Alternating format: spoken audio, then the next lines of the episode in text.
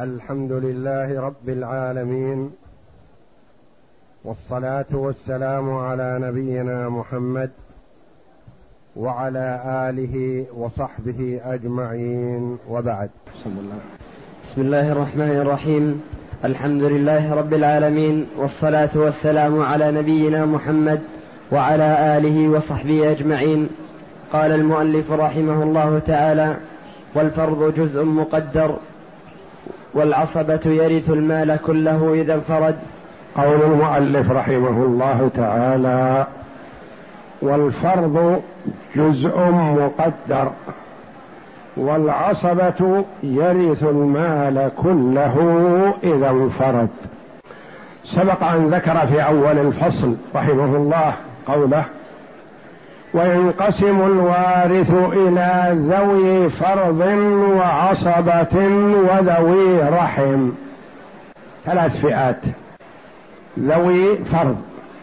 وهم الذين فرض الله جل وعلا لهم في كتابه نصيبا معلوما نصيبا مفروضا. والعصبة وهم الذي يأخذون ما أبقت الفروض. وهؤلاء هم المجمع على توريثهم. وذوي رحم هؤلاء ممن اختلف العلماء في توريثهم وعند من يورثهم لا يأخذون شيئا مع وجود صاحب الفرض أو صاحب التعصيب. لا يأخذون شيئا. ثم بين رحمه الله قال والفرض جزء مقدر. الفرض يختلف عن العصبة. العصبة قد يأخذ المال كله. وإن كان بعيدا في القرابة. كأن تقول مثلا ابن ابن ابن ابن ابن ابن ابن ابن ابن عم. يعني من الجد العاشر. يأخذ المال كله إذا لم يوجد أقرب منه. وقد لا يأخذ إلا واحد من الألف. يكون كثير العصبة ونصيبهم قليل واحد من أربعة وعشرين وهم مئة. فلا يأخذ إلا شيئا يسيرا. حتى إن بعضهم يقول لا أريد هذا أعطوه غيري ما يسوى. أما صاحب الفرض فالله جل وعلا بين نصيبه. وهي المذكورة في كتاب الله تعالى النصف والربع والثمن والثلثان والثلث والسدس ستة. ثبتت بكتاب الله تبارك وتعالى. والسابع ثبت باجتهاد الصحابة رضي الله عنهم وهو ثلث الباقي. قال رحمه الله والفرض جزء مقدر يعني معلوم. هلك هالك عن زوج وعم الزوج له جزء مقدر وهو النصف. هلك هالك عن زوجة وعم الزوجة نصيبها مقدر وهو الربع والباقي للعم. هلك هالك عن بنتين وابن عم. للبنتين الثلثان اثنان من ثلاثة والباقي لابن العم. هلك هالك عن جدة وابن عم. للجدة السدس واحد من ستة ولابن العم الباقي خمسة من ستة. فابن العم أخذ مرة النصف في الزوج. وأخذ مرة ثلاثة الأرباع مع الزوجة وأخذ مرة الثلث مع البنات مع البنتين مع البنتين اللتين لهما الثلثان فأخذ الثلث وهكذا. فهو صاحب التعصيب يأخذ ما أبقت الفروض أما صاحب الفرض فهو يأخذ نصيبا مقدر. لا يزيد إلا بالرد ولا ينقص إلا بالعول وهذه لها أبواب مستقلة. الرد والعول ستأتي إن شاء الله وتعرف. والفرض جزء مقدر والعصبة يرث المال كله إذا انفرد. فإن كان معه ذو فرض بدأ به والباقي للعصبة. لما لقول النبي صلى الله عليه وسلم. اقرأ. والفرض. والفرض جزء مقدر والعصبة يرث المال كله إذا انفرد فإن كان معه ذو فرض بدأ به والباقي للعصبة لقول النبي صلى الله عليه وسلم ألحق الفرائض بأهلها فما بقي فلأولى رجل ذكر متفق عليه. ألحق الفرائض بأهلها. الفرائض ما المراد بها؟ الفروض التي فرض الله جل وعلا. أعطوها أهلها. أعطوا الزوج نصيبه. وأعطوا الزوجة نصيبها. وأعطوا الابن البنت نصيبها. وأعطوا الأم نصيبها. والجدة نصيبها. وهكذا. الفروض المقدرة في كتاب الله أعطوها لذويها. وما بقي فلأولى انتبه لأولى رجل ذكر. ما قال لأحد الرجال أو للرجال أو للعصبة. قال وما بقي فلأولى رجل ذكر. ابن وابن ابن. أيهما أولى؟ الابن. عم وابن عم. العم مقدم. أخ وعم. الأخ مقدم. شقيق ولأب أخوان لأولى رجل ذكر الشقيق. وهكذا فالعصبة بالقرابة أقرب قريب. نعم. وإن استغرق وإن استغرقت استغرقت الفروض المال كل المال سقط. وصاحب التعصيب إذا استغرقت الفروض المال سقط. هلك هالك عن زوج وأخت شقيقة وأخ لأب أو ابن عم أو عم. ماذا نعطيهم؟ للزوج النصف واحد والأخت الشقيقة النصف واحد. استغرقت الفروض التركه بقي العاصب أخ لأب شقي أخ أخ لأب ابن أخ عم وهكذا يسقط. هلك هالك عن زوج وابن ابن ابن ابن ابن عم. بعيد. يعطى الزوج النصف واحد والباقي لهذا الابن العم البعيد. كيف؟ ذاك أخ لأب ما أعطيته شيء لأن الفروض استغرقت. والأخ هذا ابن عم بالجد السادس أعطيته النصف. نعم لأنه بقي. أعطينا أصحاب الفروض حقهم وما بقي فلأولى رجل ذكر.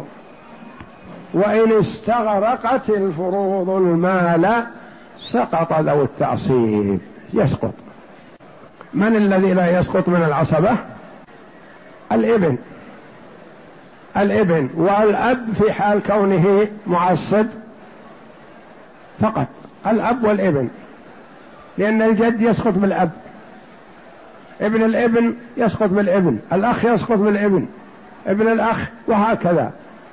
الذين لا يسقطون من العصبة هم لأنها ما تستغرق الفروض التركة مع وجود أب و... وإبن.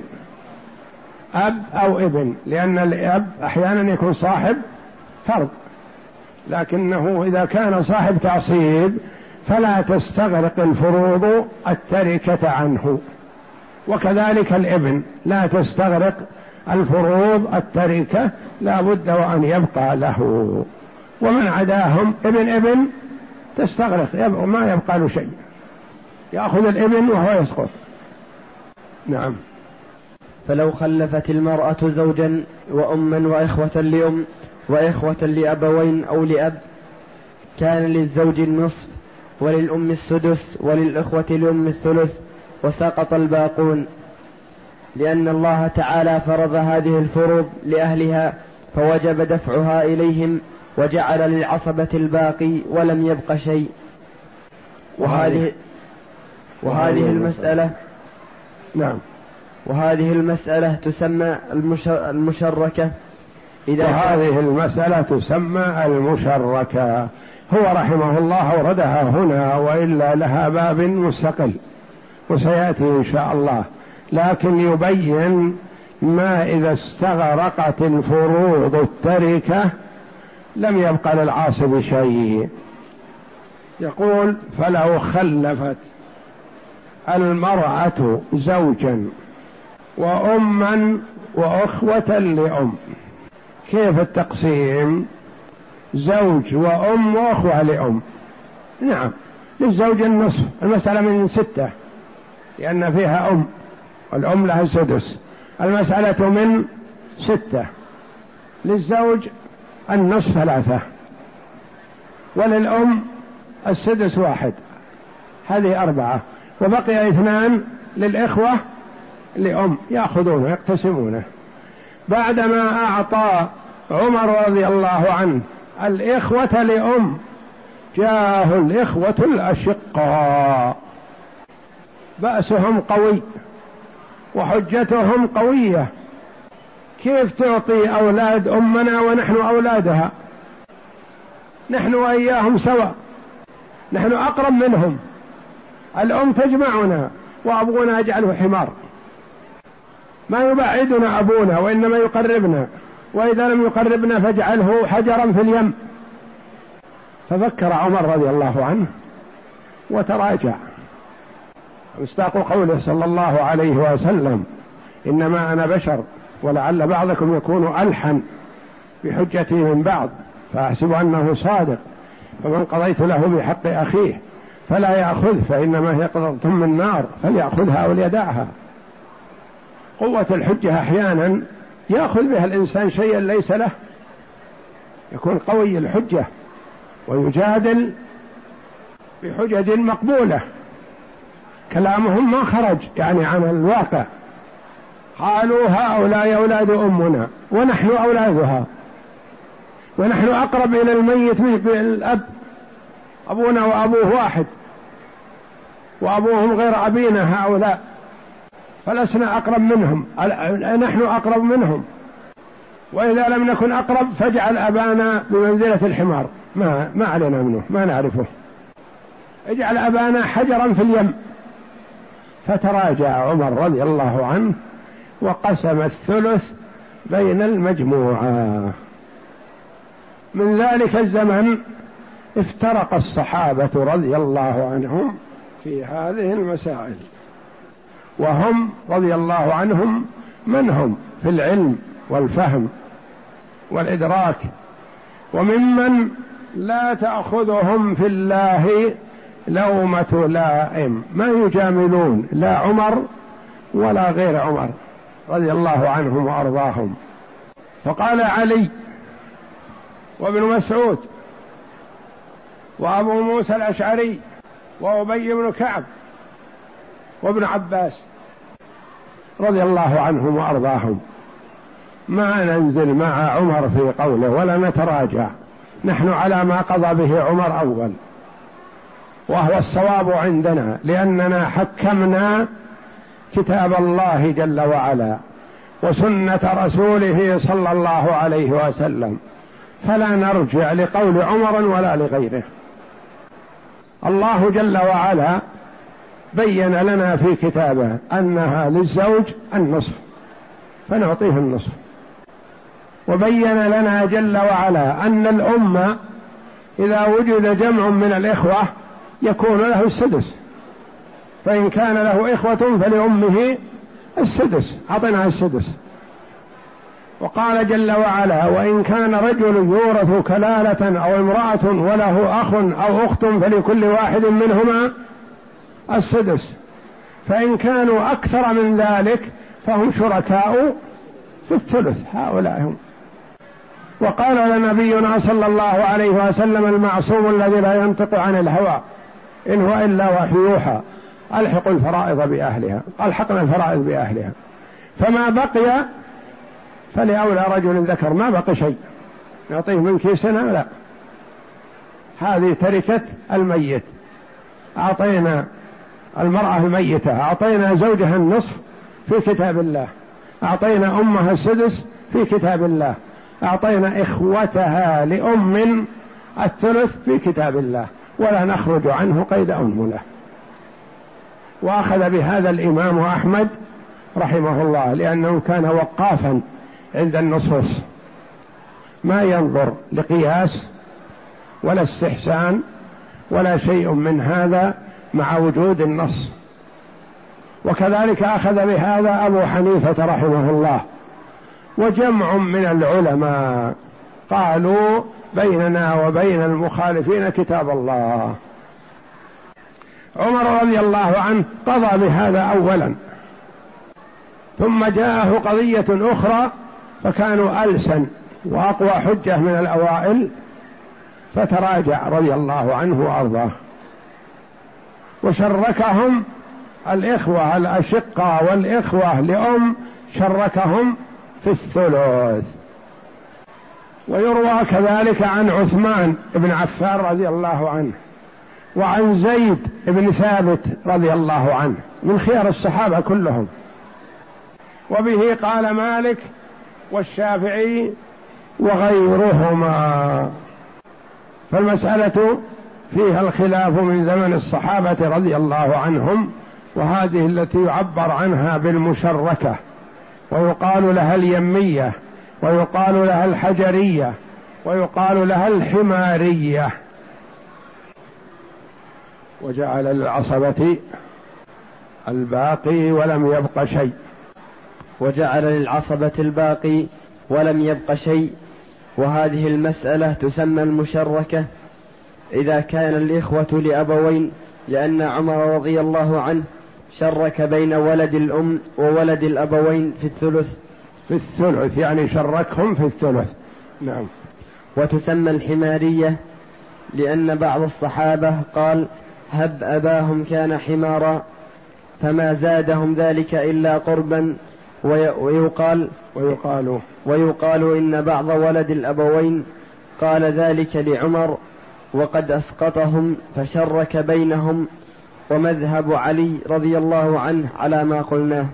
المذهب مذهب علي على ما قلناه وهو مذهب الإمام أحمد رحمه الله أن الإخوة الأشقاء يسقطون. لأنهم ليسوا بأصحاب فرض وقد استغرقت الفروض التركة.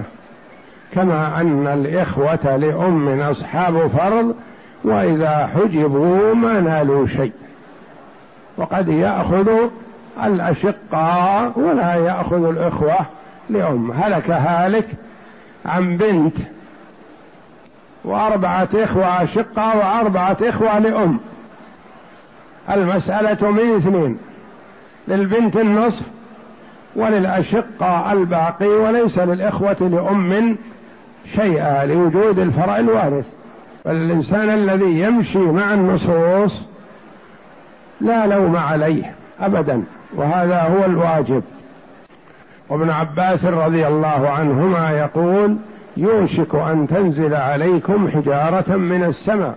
أقول قال رسول الله صلى الله عليه وسلم وتقولون قال أبو بكر وعمر؟ وهم من هم؟ أبو بكر وعمر رضي الله عنهما خير الأمة. بعد نبيها. أقسم. هلك هالك عن زوجة وابن من ثمانية. للزوجة الثمن واحد وللابن الباقي. هلك هالك عن زوجة وبنت وأخ شقيق وأخ لأم. زوجة وبنت وأخ شقيق وأخ لأم. المسألة من ثمانية. للزوجة الثمن واحد وللبنت النصف أربعة وللأخ الشقيق الباقي تعصيبا وليس للأخ لأم شيئا. من الذي أسقطه؟ أليس له فرض؟ أسقطته البنت. هلك هالك. عن زوج وأم. المسألة من المسألة من ستة. للزوج النصف ثلاثة وللأم الثلث اثنان والباقي لأولى رجل ذكر. هلك هالك عن زوج وأم وأخ لأم وأخوين شقيقين. انتبه. عن زوج وأم وأخ لأم وأخوين شقيقين. المسألة من ستة. للزوج النصف ثلاثة. وللأم السدس واحد. وللأخ لأم السدس واحد. والباقي واحد من ستة للأخوين الشقيقين. في هذه المسألة فضل الأخ لأم على الأخوين الشقيقين لأنه صاحب فرض وهم أصحاب تعصيب هلك هالك عن زوج وأم وأخ لأم وخمسة عشر أخ لأب. من ستة للزوج النصف ثلاثة وللأم السدس واحد. وللأخ لأم السدس واحد والباقي واحد لخمسة عشر أخ لأب يشتركون فيه. ومثل حتى مثل لو كانوا أشقاء. فإنهم يشتركون في الواحد من ستة وإن كانوا عشرة أو عشرين. هلك هالك عن زوج وأم وأخوين لأم وأربعة إخوة أشقا على مذهب وقول عمر الأخير رضي الله عنه. المسألة من ستة للزوج النص ثلاثة وللأم السدس واحد وللأخوين لأم وأربعة إخوة أشقاء لهم الباقي يستوون فيه. هلك هالك عن زوج وأم وأخوين لأم وأربعة إخوة أشقا على مذهب الإمام أحمد رحمه الله. المسألة من ستة. للزوج النص ثلاثة وللأم السدس واحد وللأخوين لأم الثلث اثنان. ويسقط الإخوة أشقاء أربعة أو ستة أو عشرة.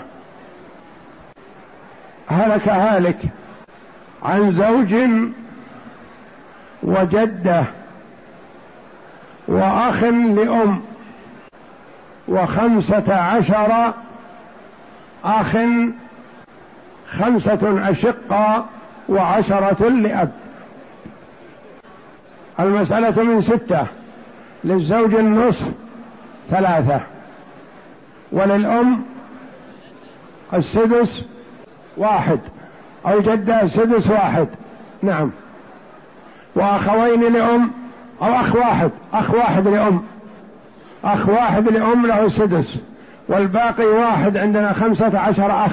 عشرة لأب وخمسة أشقاء. لمن سيكون هذا الواحد؟ للأشقاء لهم واحد يشتركون فيه والأخ لأم يأخذ واحد وحده. هلك هالك عن زوج وأخت لأب. المسألة من اثنين للزوج النصف واحد وللأخت لأب النصف واحد. ومعهم أولاد عم أو أبناء أخ يسقطون استغرقت الفروض التركة. هلك هالك عن أب وجد وإبن وإبن إبن وأخ شقيق وابن أخ شقيق. أب وجد وإبن وإبن إبن وأخ شقيق وابن أخ شقيق. ستة. ثلاثة أقربون وثلاثة متأخرون. المسألة من ستة. للأب السدس واحد والباقي خمسة للابن وليس للجد ولا للأخ ولا لابن الأخ شيء. هلك هالك عن زوجتين وابن. المسألة من ثمانية. للزوجتين الثمن واحد بينهما مناسبة. وللابن الباقي واحد سبعة. هلك هالك عن زوجة وبنت ابن وابن ابن ابن أنزل منها. زوجة وبنت ابن وابن ابن ابن. من ثمانية للزوجة الثمن واحد وللبنت الابن النصف أربعة والباقي ثلاثة لابن الابن النازل. ألحق الفرائض بأهلها. أعطينا الزوجة نصيبها وأعطينا البنت نصيبها وما بقي لأولى رجل ذكر الذي هو ابن الابن النازل. هلك هالك عن بنتين وبنتي ابن وابن ابن ابن. أنزل منهن. بنتين وبنتي ابن وابن ابن ابن. أنزل منهن. المسألة من ثلاثة. للبنتين الثلثان اثنان. والباقي لابن الابن النازل مع بنت الابن التي هي أعلى منه عمته تشتركون فيه لأنها احتاجت إليه. هلك هالك. عن بنت وبنت ابن وابن ابن ابن أنزل منها. بنت وبنت ابن وابن ابن أنزل منها. المسألة من ستة للبنت النصف ثلاثة ولبنت الابن السدس واحد تكملة الثلثين والباقي لابن الابن النازل تعصيبا. والله أعلم وصلى الله وسلم وبارك على عبده ورسول نبينا محمد وعلى آله وصحبه أجمعين.